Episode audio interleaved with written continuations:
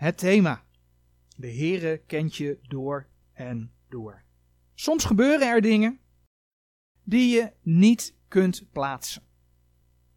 Soms gebeuren er dingen die voor je als mens gewoon lastig zijn. Vanmorgen willen we bij een aantal teksten stilstaan die laten zien dat de Heere God heel nauw betrokken is bij jou als mens. De Heere God heeft niet alleen de hele geschiedenis in zijn handen. Hij bestuurt niet alleen het grote geheel, maar hij komt heel dichtbij. De Heere kent je door en door. En zeker als je de Heere God in de Heer Jezus als jouw vader mag kennen, dan zal je dat tot troost zijn. Hij zal, zegt de schrift, in je nooddruft voorzien. Ga ik later op terugkomen. We willen beginnen met het lezen van Hebreeën 4, vers 12 en 13. Hebreeën 4, vers 12 en 13. Want het woord Gods is levend en krachtig en scherp snijdender dan enig tweesnijdend zwaard. En gaat door tot de verdeling der ziel en des geestes en der samenvoegselen en des mergs en is een oordeler der gedachten en der overleggingen des harten.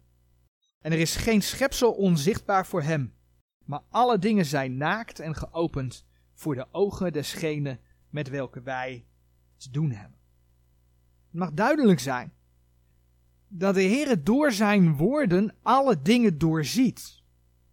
Oftewel, je bent niet onzichtbaar voor hem. En dat gaat niet alleen om je buitenkant, maar dat gaat ook over je, ja, je binnenkant. Hij ziet zelfs je gedachten en overleggingen. Alles is, hebben we net gelezen, naakt en geopend voor hem. Allereerst zoeken we een tekst op, en dat is Johannes 10, vers 3. Waarin we zien dat de Heer een ieder persoonlijk kent. Hij kent je bij name. In Johannes 10, vers 3, daar lezen we. Deze doet de deurwachter open en de schapen horen zijn stem. En hij roept zijn schapen bij name en leidt ze uit. Het gaat hier om een gelijkenis van een schaapherder en zijn kudde. En de toepassing is natuurlijk op de Heer Jezus, dat blijkt uit vers 7 en vers 11 van hoofdstuk 10. En in de eerste plaats het volk Israël. Want de geschiedenis van Johannes 10, ja, die vond voor het kruis plaats. En in het Oude Testament wordt de vergelijking tussen de Here als herder en het volk Israël als schapen al gemaakt. Ik bedoel, als het over Israëls herstel, Israëls verlossing gaat, staat er bijvoorbeeld in Jezaja 40 vers 11. Jezaja 40 vers 11 het volgende geschreven. Hij zal zijn kudde weiden gelijk een herder. Hij zal de lammekens in zijn armen vergaderen en in zijn schoot dragen. De zogenden zal hij zachtkens leiden. Mooi hè? Dat gaat over Israëls verlossing. Dat gaat dus over duizendjarig vrederijk. Nou, bladeren we door naar Ezekiel, Ezekiel 34. Dan komen we ook zoiets tegen. Ezekiel 34. En dan vanaf vers 11. Want zo zegt de Heere Heere, zie ik, ja ik zal naar mijn schapen vragen en ik zal ze opzoeken. Gelijk een herder zijn kudde opzoekt ten dagen als hij in het midden zijner verspreide schapen is. Alzo zal ik mijn schapen opzoeken en ik zal hen redden uit al de plaatsen waarheen zij verstrooid zijn ten dagen der wolk en der donkerheid. En ik zal hen uitvoeren van de volk en zal hen vergaderen uit de landen en brengen hen in hun land. En ik zal hen weiden op de bergen Israëls, bij de stromen en in alle bewoonbare plaatsen des lands. Op een goede weide zal ik hen weiden. En op de hoge bergen Israëls zal hun kooi zijn. Al daar zullen zij nederliggen in een goede kooi. En zullen weiden in een vette weide op de bergen Israëls. Ik zal mijn schapen weiden en ik zal hen legeren. Spreek de Heere, Heere. Het verlorene zal ik zoeken, en het weggedrevene zal ik wederbrengen. En het gebrokene zal ik verbinden, en het kranke zal ik sterken. maar het vette en het sterke zal ik verdelgen. Ik zal hen wijden met oordeel. is misschien goed, want bij de goede herder denken we, denk ik in de eerste plaats altijd aan onszelf. De Heere die voor zijn schaapjes zorgt. En dan zijn wij de schaapjes. Maar het is eigenlijk in de eerste plaats Israël. Nou, toen de Heer Jezus in Johannes 10, vers 14 zei. Johannes 10, vers 14. Zei. Ik ben de goede herder. En ik ken de mijne en word van de mijne gekend. Was dat eigenlijk een hele duidelijke heenwijs. Voor de Joden die het Oude Testament kenden. Dat hier Jezus Christus God was. En voor zijn volk Israël naar de aarde was gekomen. Want we hebben net in Ezekiel gelezen dat de Heer zegt, ik zal hen wijden. En toen kwam de Heer Jezus en zei, ik ben de goede herder. Maar ze begrepen het niet. Johannes 10 vers 6, ze begrepen het niet. Ja, waarom begrepen ze niet? Romeinen 11 vers 11 zegt dat zo mooi. Opdat het hel naar de heidenen kon toegaan. Daarom niet. Ja, en dat maakt dat ook jij als lid van de gemeente van de Heer Jezus een schaap in zijn kudde bent. Hè? Johannes 10 vers 16. Daar zei de Heer Jezus niet voor niets. Ik heb nog andere schapen, die van deze stal niet zijn, deze moet ik ook toebrengen. En zij zullen mijn stem horen en het zal worden één kudde en één herder. Nou, als je dat naast Efeze 2 vers 11 tot en met 15 legt, dat gaan we nu niet doen, dan heb je een hele mooie vergelijking. Efeze 2 vers 11 tot en met 15. Zo zegt Paulus bijvoorbeeld in eh, Romeinen 8 vers 36. Romeinen 8, vers 36.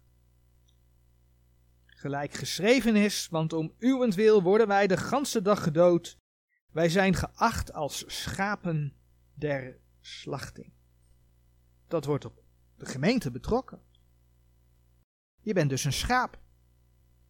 En dat betekent dus dat je die versen die we gelezen hebben Johannes, Johannes 10, vers 3, maar ook Johannes 10, vers 7 en vers 11, dat je die dus ook inderdaad wel op jezelf kunt toepassen. De Heere kent je. De Heere kent je bij namen.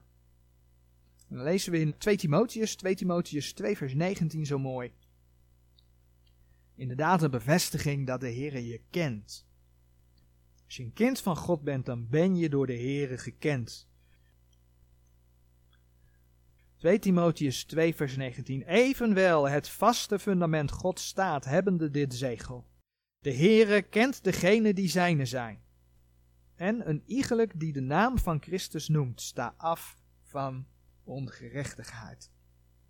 Evenwel het vaste fundament God staat hebbende dit zegel, de Heere kent degene die zijne zijn. En als herder, als herder, zorgt de Heere voor je. Hij wil je voeden, dat blijkt uit Psalm 23, Psalm 23 vers 2. Dat doet hij door zijn woord. Maar ook door de verkondiging. De verkondiging van zijn woord in de gemeente.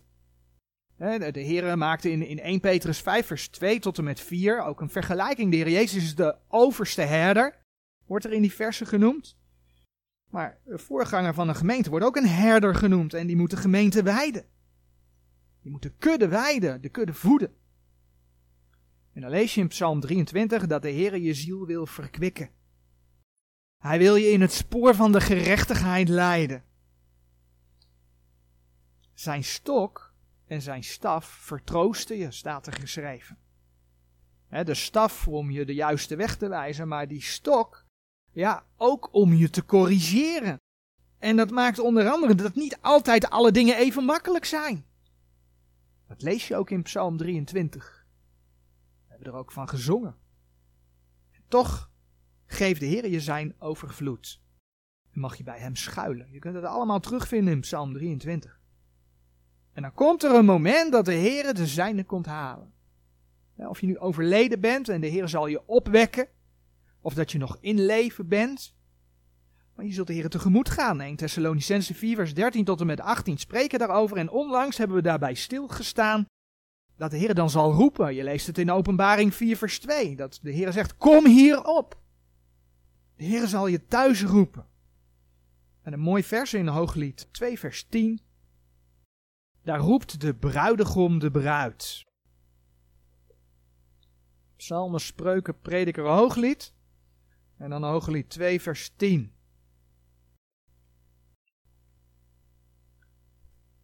bruidegom die de bruid roept, mijn liefste antwoord en zegt tot mij, sta op mijn vriendin, mijn schone, en kom. En dan lees je in openbaring 4 vers 2 dat de Heer zegt, kom hierop.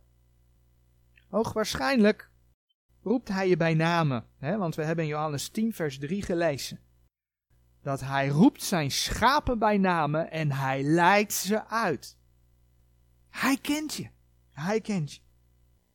En dan komen we bij een tweetal teksten die laten zien hoe goed de Heer je kent en hoe goed de Heer je volgt. Allereerst bladeren we naar Matthäus 10, Matthäus 10 vers 30.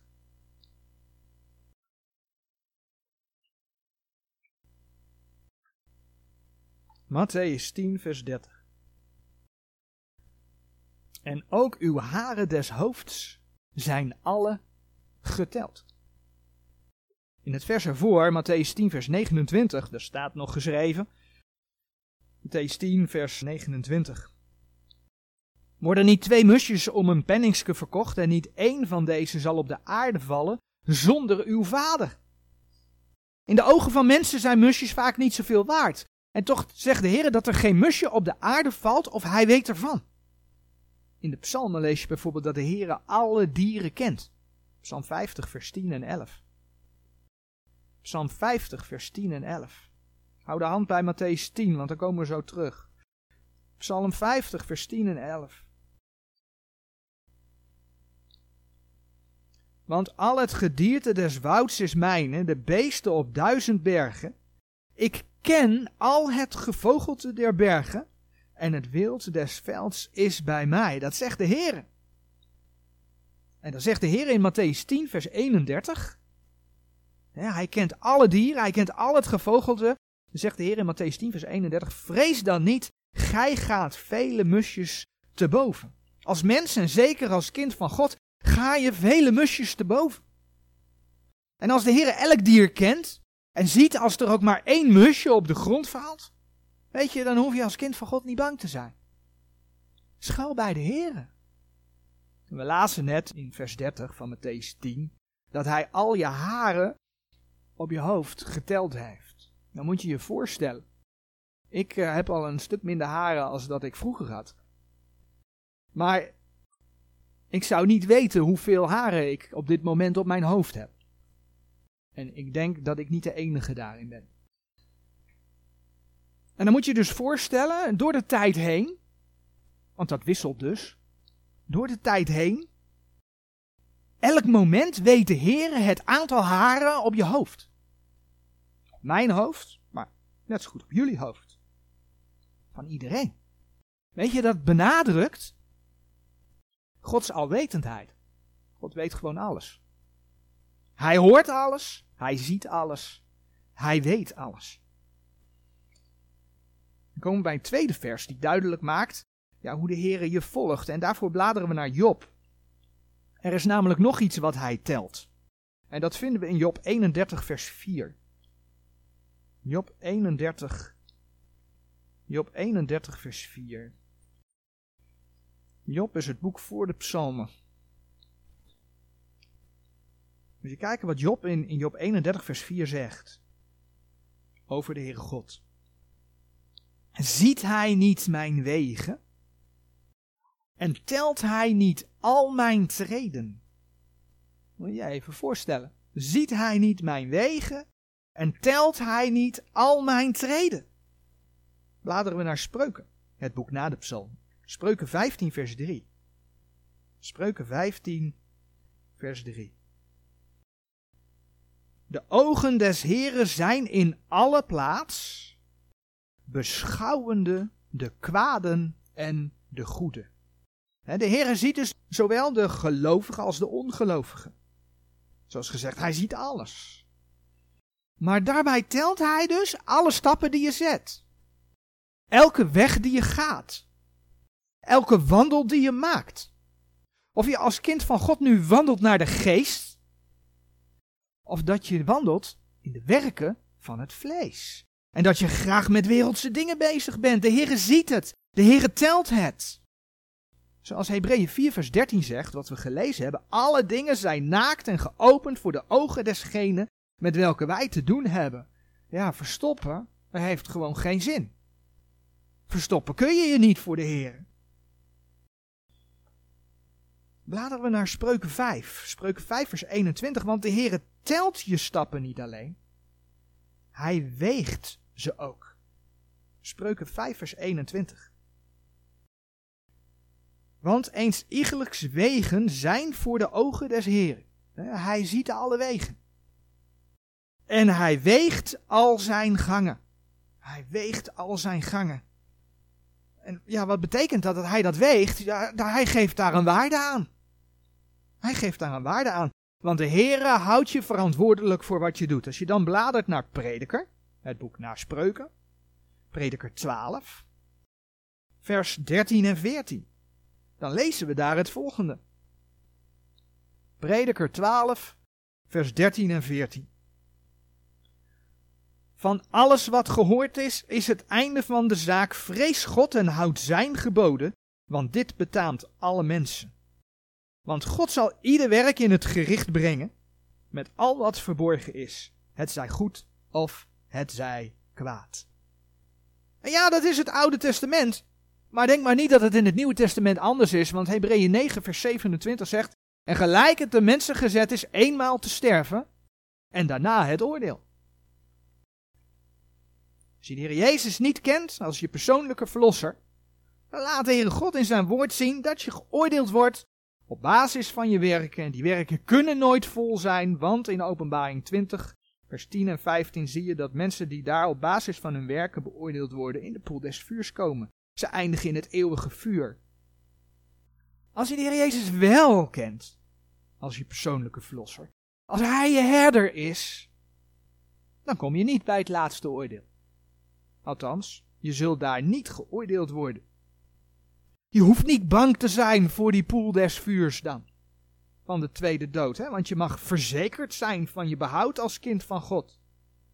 Maar dat neemt niet weg dat ook jouw wegen als kind van God door de Heer gewogen worden. Want ja, weet je, je komt toch echt wel voor de rechterstoel van Christus. We hebben vanmorgen nog gelezen dat daar de werken geoordeeld worden. En zo kun je dus prediker 12 vers 13 en 14 wel degelijk op de gemeente toepassen. Prediker 12 vers 14 zegt, want God zal ieder werk in het gericht brengen met al wat verborgen is, het zij goed, het zij kwaad. Het zij goed leidt tot een beloning, lees je in 1 Korinthe 3 vers 13 tot en met 15. Het zij kwaad, dat leidt tot schade lijden. Je bent wel behouden, maar je zult schade lijden in de eeuwigheid. En dat vers hebben we vanmorgen ook gelezen. Daar komt datzelfde in terug. 2 Korinthe 5 vers 10, dat gaat over de rechterstoel van Christus. 2 Korinthe 5 vers 10 wordt tegen de gemeente van de Heer Jezus gezegd, want wij allen moeten geopenbaard worden voor de rechterstoel van Christus, opdat een iegelijk wegdragen hetgeen door het lichaam geschiet nadat hij gedaan heeft, het zij goed, het zij kwaad. Er is niets verborgen voor de Heer. Je wegen worden geteld en je wegen worden gewogen. Dus de vraag is, hoe is jouw weg? Hoe is jouw weg? Loop je de wereld achterna? Loop je de rijkdom achterna? Ga je voor veel geld en dure dingen? Ga je voor een mooi uiterlijk? Ga je vooral voor veel plezier in het leven? En ja, als je die keuze maakt, dan neem je het niet zo nauw met wat de Heer in zijn woord zegt. Sterker nog, dat woord van God lees je maar wat minder. Of je denkt er maar niet te veel over na. Je probeert je misschien wel te verstoppen. Hè? Naar broeders en zusters probeer je je netjes te gedragen, want ja, dat wordt van je verwacht. Slechte dingen doe je als je alleen bent. In je eigen kamer. Of als je met vrienden van de wereld bent. Weet je, het maakt allemaal niet uit hoe je het probeert te verstoppen. Dat maakt niet uit. Want er is niets voor de Heeren verborgen. Nogmaals, Hebreeën 4 vers 13. Alle dingen zijn naakt en geopend voor de ogen desgene met welke wij te doen hebben. Hij ziet het dus toch wel. Een andere tekst die dat heel mooi laat zien is Jeremia 23 vers 24. Jezaja, Jeremia. En dan Jeremia 23 vers 24. Zou zich iemand in verborgen plaatsen kunnen verbergen, dat ik hem niet zou zien? spreekt de Heere.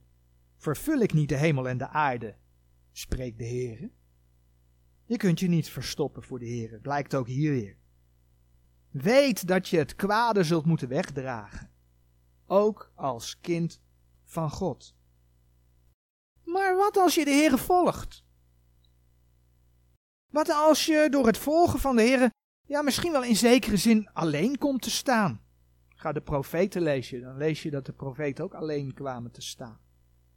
Vele kinderen van God zijn in deze wereld opgepakt en verdwenen in de gevangenis. Soms zelfs gemarteld. Maar dan is je leven met de Heer toch ook verborgen? Wat heeft het dan voor zin?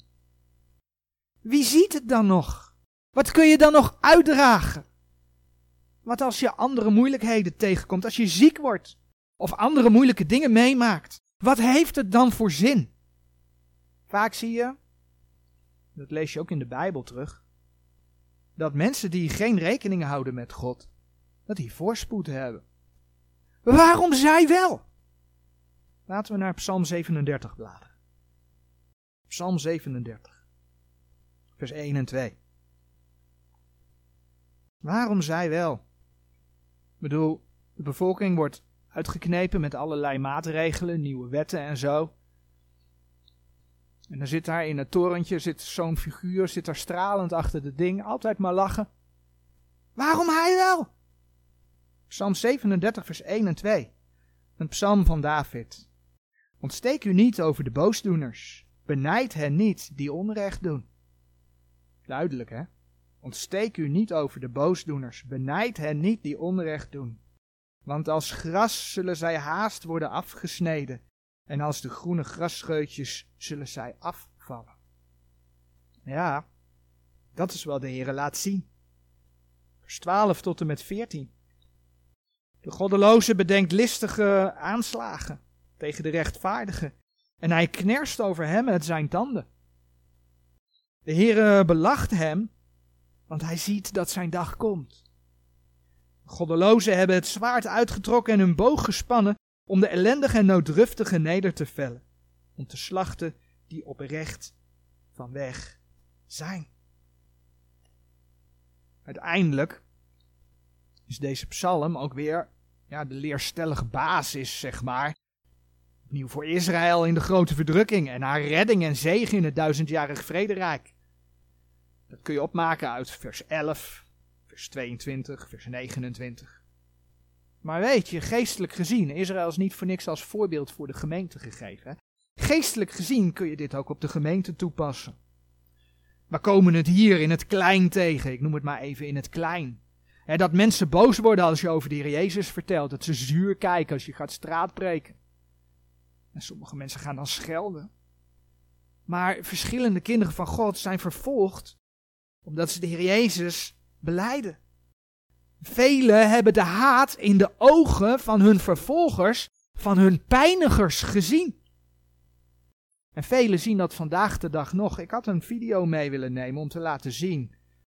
Een video over Richard Wurmbrand. Die is voor 5 euro te koop bij. Ja, wij hebben hem via gospel.nl. Maar is een mooi stukje getuigenis als je dat ziet. Maar als je dat ziet, wat die man heeft meegemaakt, dat is onvoorstelbaar. En dan heb je het dus over de haat in de ogen van mensen die jou alleen maar pijnigen, alleen puur om het feit dat jij beleidt dat Jezus Christus de Heer is die voor de zonde van de mensen gestorven is. En dan zegt de Heer in Psalm 37, vers 3: Vertrouw op de Heer en doe jij het goede. Bewoon de aarde en voed u met getrouwheid. Zie, ondanks de moeilijkheden, de Heer blijft vertrouwen Weet je? Dan werpt dat zijn vrucht af in de eeuwigheid. Psalm 37, vers 18. De Heere kent de dagen der oprechten. En hun erfenis zal in eeuwigheid blijven. Hier wordt het woordje erfenis gebruikt. Ja, dat kun je zo toepassen op de gemeente. Want als je als kind van God voor de Heere leidt, als je blijft staan onder druk, weet je, dan zal hij je belonen. Dat blijkt uit wat de Heer zegt over de rechterstoel van Christus. En laten we een van die kronen opzoeken. Jacobus 1, vers 12. Jacobus 1, vers 12 zegt: Zalig is de man die verzoeking verdraagt. Hij gaat er niet tegen schoppen, hij gaat er niet tegen slaan, hij gaat niet mopperen. Zalig is de man die verzoeking verdraagt. Want als hij beproefd zal geweest zijn, zal hij de kroon des levens ontvangen, welke de Heere beloofd heeft degene die hem liefhebben. Dus wees standvastig. Voed je met getrouwheid door het woord van God en doe op basis daarvan het goede. Want de Heere weegt ook jouw wegen. We hebben gezien hoe de Heere iedereen persoonlijk kent. Hoe hij je haren en je wegen, ja zelfs je afzonderlijke stappen telt. En als het om die wegen gaat, hoe hij ze weegt. Zo laat de Heer zien dat hij alles wat hij ziet, en dat is bijzonder om daarbij stil te staan, alles wat hij ziet, dat noteert hij in boeken. Alles wat hij ziet, dat noteert hij in boeken. Wanneer je over het laatste oordeel in Openbaring 20 vers 12 leest, dan lees je het volgende. Openbaring 20 vers 12. En ik zag de doden, klein en groot, staande voor God, en de boeken werden geopend. En een ander boek werd geopend, dat des levens is. En de doden werden geoordeeld uit hetgeen in de boeken geschreven was, naar hun werk. Ja, er is dus een boek des levens, maar naast dat boek des levens zijn dus ook andere boeken. Als we het over dat boek des levens hebben, dan blijkt dat de Heer dat boek zelf geschreven heeft. Daar kun je bijzoeken, gaan we nu niet doen, maar dat kun je voor jezelf een keer opzoeken. Exodus 32, vers 32 tot en met 33. Als je dan Filippenzen 4, vers 3 leest, kun je daaruit afleiden dat ook jouw naam als kind van God in het boek des levens geschreven staat. En in de Heer Jezus is dat dus een verzekerd plekje. Maar er zijn dus naast dat boek des levens ook andere boeken. Zodat mensen op basis van hun werken geoordeeld kunnen worden. Laten we Marcus 4, vers 22 opzoeken. Kijken wat daar staat. Marcus 4, vers 22. Want er is niets verborgen dat niet geopenbaard zal worden. Ja, dat is wat. Mensen denken heel veel dingen heel sneaky te doen. Hè? Maar er komt een moment dat alles geopenbaard wordt. Want er is niets verborgen dat niet geopenbaard zal worden. En er is niets geschied om verborgen te zijn. Maar opdat het in het openbaar zou komen. Laten we naar Matthäus bladeren. Matthäus 12, vers 36. Matthäus 12, vers 36. Maar ik zeg u dat van elk ijdel woord, het welk de mensen zullen gesproken hebben, zij van hetzelfde zullen rekenschap geven in de dag des oordeels. Dus ook de gesproken woorden zijn bij de Heeren bekend en worden bewaard. Blijkbaar worden ze geschreven in de boeken. Want daaruit worden ze geoordeeld. Zo zijn er ook teksten waaruit blijkt dat dat voor je gedachten geldt. Hebreeën 4 vers 12 en Malachi 3 vers 16. Malachi 3 vers 16 gaan we zo nog lezen. Maar Matthäus 12, vers 36 spreekt over elk ijdelwoord. Maar als je dan Matthäus 12, vers 37 leest, dan lees je dat dat ook geldt voor de goede woorden. Kijk maar, Matthäus 12, vers 37. Want uit uw woorden zult gij gerechtvaardigd worden. En uit uw woorden zult gij veroordeeld worden. Hé. Hey. Nou, de context van deze verse is wederom het laatste oordeel echter als de rechterstoel van Christus. Ja, een oordeel is over de werken van jou als gelovige. Dan betekent het dat ook jouw treden, dat ook jouw werken, dat ook jouw woorden, dat ook jouw gedachten geregistreerd staan in de hemel. Je zult voor de Here komen te staan, Romeinen 14, vers 12. Nou, dat dit zo werkt, dat blijkt uit het vers, en dan komen we bij Malachi 3, vers 16, maar we lezen de context erbij. Malachi 3, vers 14 tot en met 18. Malachi 3, vers 14 tot en met 18. Het laatste boek van het Oude Testament. Malachi 3. Het ene laatste hoofdstuk van het Oude Testament.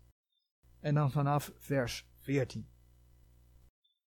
Gij zegt, het is te vergeefs God te dienen.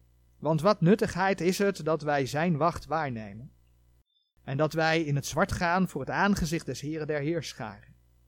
En nu, wij achten de hoogmoedige gelukzalig. Ook die goddeloosheid doen, worden gebouwd. Ook verzoeken zij de Heere en ontkomen.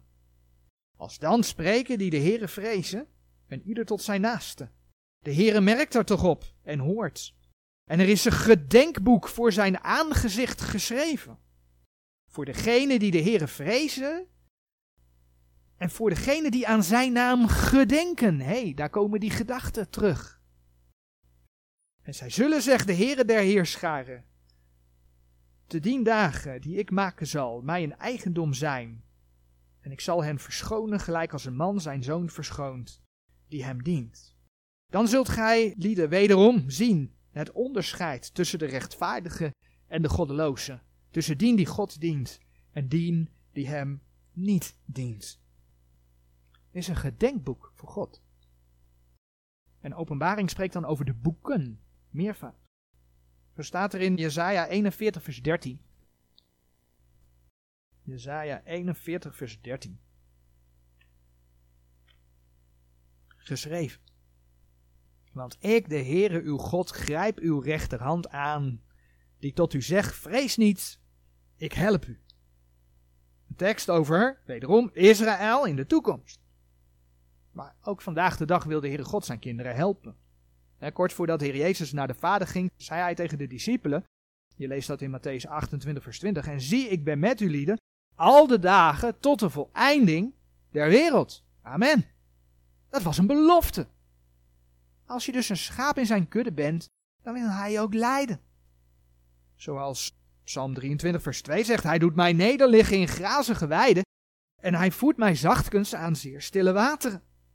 En zoals je in Psalm 23 vers 4 leest, ja, juist in de context van een dal der schaduw des doods, dat je daar leest, uw stok en uw staf, die vertroosten mij.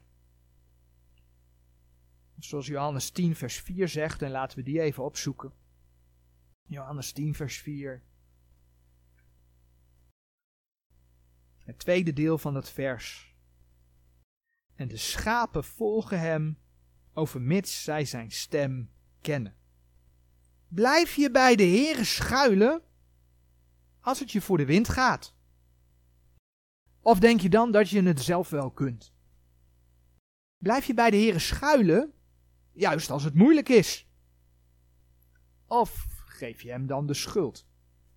Het mooie is als je in Handelingen 11 leest, Handelingen 11 vers 19 en 20, over de gemeente die verstrooid werd, verstrooid door de verdrukking, dat ze het evangelie gingen verkondigen in Antiochië. He, verstrooid door de verdrukking. En wat deden ze? Ze gingen het evangelie verkondigen in Antiochië. En dan lees je in vers 21. En de hand des Heren was met hen. En een groot getal geloofde en bekeerde zich tot de Heren. En de hand des Heren was met hen. Als je bij de Heren schuilt, als je je aan zijn woorden vasthoudt, wil hij je ondanks verdrukking, wil hij je bij de hand nemen en leiden. Dat is wat de Heer laat zien. 2 Timotheus 4 vers 17. 2 Timotheus 4 vers 17 zegt, zegt Paulus, maar de Heer heeft mij bijgestaan en heeft mij bekrachtigd, opdat men door mij ten volle zou verzekerd zijn van de prediking en alle heidenen dezelfde zouden horen. En ik ben uit de muil des leeuws verlost. Eerder hebben we al gekeken naar de versen uit Psalm 37, enkele versen. Maar in die psalm, waar je dus leest over het feit dat de Heere God de wegen weegt, je wegen weegt, daar zegt vers 24 over de rechtvaardige. Als hij valt, zo wordt hij niet weggeworpen, want de Heere ondersteunt zijn hand. In de Heer Jezus, hè, dat is het mooie, in de Heer Jezus mag je rechtvaardig zijn. In de Heer Jezus ben je rechtvaardig. Je leeft er alleen niet altijd na, maar hij heeft je gerechtvaardigd voor God. Dat betekent dus dat de Heer ook jou wil ondersteunen. En we kennen de geschiedenis van Petrus, bladeren we naar Matthäus 14. Petrus die de Heer Jezus zag wandelen op de zee. En ja, dat wou Petrus ook wel. Dat vroeg hij aan de Heer Jezus en de Heer Jezus riep hem, kom maar. Maar ja, het stormde wel, dus hij ging niet meer op de Heer Jezus letten. Hij ging op zijn omgeving letten. Hij zag de storm. En wat lees je dan? Hij zag op de golven. Hij zag op de moeilijkheden en toen zakte hij weg. Hij zakte weg in het water. En dan lees je in Matthäus 14, vers 31. En Jezus terstond de hand uitstekende greep hem aan en zeide tot hem, Gij kleingelovige, waarom hebt gij gewankeld? De Heere pakte Petrus bij de hand en hij hielp hem. Maar daar kwam wel nood bij kijken. Petrus was in nood. Want op het moment dat Petrus wegzakte, was hij bang. En moest hij de Heere roepen. Heere, behoud mij! Kijk maar in vers 30 van Matthäus 14. Maar ziende de sterke wind werd hij bevreesd. En als hij begon neder te zinken, riep hij zeggende, Heere, behoud mij. Nou, als wederom geboren hoef je niet te roepen om behoud in de zin van eeuwig leven. Maar je kunt in zoveel meer terreinen van het leven behouden worden. Noem maar wat dingen. Kwade gedachten. Kwade woorden. Kwade wegen. Kwade stappen. Roep de Heere aan. Hij kent je. Hij doorziet je. En juist in Psalm 139. De psalm waar we bijvoorbeeld de eerste zes versen, bijvoorbeeld het volgende lezen. Laat weer iets zien van wat de Heer allemaal van je weet. Psalm 139, vers 1. Heere, gij doorgrondt en kent mij. Gij weet mijn zitten en mijn opstaan. Heere weet nog veel meer dan alleen je paden. Gij weet mijn zitten en mijn opstaan. Gij verstaat van verre mijn gedachten. Gij omringt mijn gaan en mijn liggen, en gij zijt al mijn wegen gewend. Als er nog geen woord op mijn tong is, zie, Heere, gij weet het alles. Gij bezit mij van achter en van voren, en gij zet uw hand op mij. De kennis is mij te wonderbaar. Zij is hoog. Ik kan er niet bij. Nou, juist in dit kader zegt de Heer in vers 23 en 24 van dezelfde psalm, psalm 139. Doorgrond mij, o God, en ken mijn hart. Beproef mij en ken mijn gedachten. En zie of bij mij een schadelijke weg zij. En leid mij op de eeuwige weg. Vraag de Heere om je te doorgronden. Om je te tonen waar verkeerde gedachten zijn. Om te tonen in je leven ja, waar je op schadelijke wegen bevindt. Want ja, op het moment dat de Heer je dat laat zien, kun je dat beleiden. En als je het beleidt, in Johannes 1 vers 9, dan doet hij dat weg. Dus voed je met zijn woorden. Want zo kom je erachter. Als je je niet voedt, kom je er ook niet achter wat schadelijk is. Dus voed je met zijn woorden. Zodat je ook kunt vragen of hij je wil leiden op zijn weg. Op die eeuwige weg, op de goede weg. Zodat de weging van jouw gedachten zodat de weging van jouw wegen leiden tot een goede registratie in dat gedenkboek dat de Heer heeft. Waardoor je straks een eeuwige erfenis krijgt. Zoals eerder genoemd, leidt het volgen van de Heer vaak tot tegenslag. Hè? Als kind van God ben je nog steeds in dat menselijke lichaam wat onderhevig is aan de zondeval. Alleen dat al. Dat zorgt soms voor de nodige dingen in je leven. Maar daarnaast, als kind van God, word je door de Heer getest soms. Op je trouwheid. Op je getrouwheid. Als kind van God, juist als je trouw wilt zijn aan de Heer, word je ook een heel mooi doelwit voor de boze. Als jij als kind van God de wereld in gaat, ja, dan gebeuren jouw dingen omdat je zelf de wereld in bent gegaan. De boze laat je met rust hoor, want je bent toch in de wereld. Maar op het moment dat jij juist met dat woord bezig gaat, juist dan word jij een doelwit voor de boze. Want dat wil de boze niet. Genoeg redenen om aangevallen te worden. Op en in je vlees en je geest. Ja, weet je, dat kost soms tranen. En soms zak je dan net als Petrus weg in die moeilijkheden. En ook dat kost tranen. Maar de Heere weet en ziet alle dingen. Ook jouw lijden als dat ontstaat door het volgen van de Heere. Moeilijke keuzes die je moet maken. David die schrijft in Psalm 6, vers 7 en 8 dat zijn bed doorweekt was van tranen. Door al zijn tegenstanders. Van Paulus lezen we dat hij de Heere diende met tranen. Dat kom je onder andere in Handelingen 20, vers 31 tegen. En dan moet je eens kijken wat er geschreven staat in Psalm 56, vers 9. Gij hebt mijn omzwervingen geteld. Leg mijn tranen in uw fles. Zijn zij niet in uw register? Wauw. De Heere God heeft zelfs je tranen in de hemel in zijn register genoteerd. Een van de beloningen, ik noemde het eerder al, in de eeuwigheid is de kroon des levens die de Heer je geeft als je verzoeking verdragen hebt, als je beproefd bent geweest. Jacobus 1 vers 12. Ja, weet je, de Heer laat het zien, hij registreert je tranen, zodat hij je kan belonen. Heel mooi past daarbij wat er in Psalm 126 vers 5 en 6 staat. Psalm 126 vers 5 en 6. Die met tranen zaaien, zullen met gejuich maaien. En dit gaat natuurlijk niet over die mensen die de wereld ingaan en dan zich bezeren. Dat zijn andere tranen. Dit gaat om tranen dat als je je inspant voor de Heer, als je dan met moeilijkheden te maken krijgt, dan staat daar die met tranen zaaien zullen met gejuich maaien.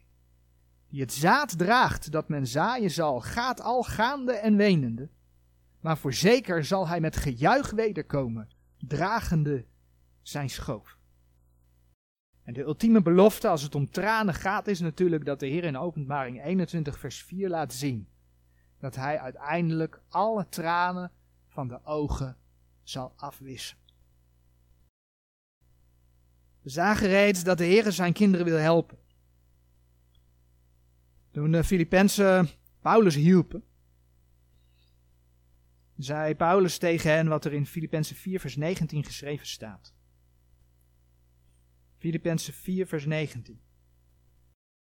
Doch mijn God zal naar zijn rijkdom vervullen al uw nooddruft in heerlijkheid door Christus Jezus.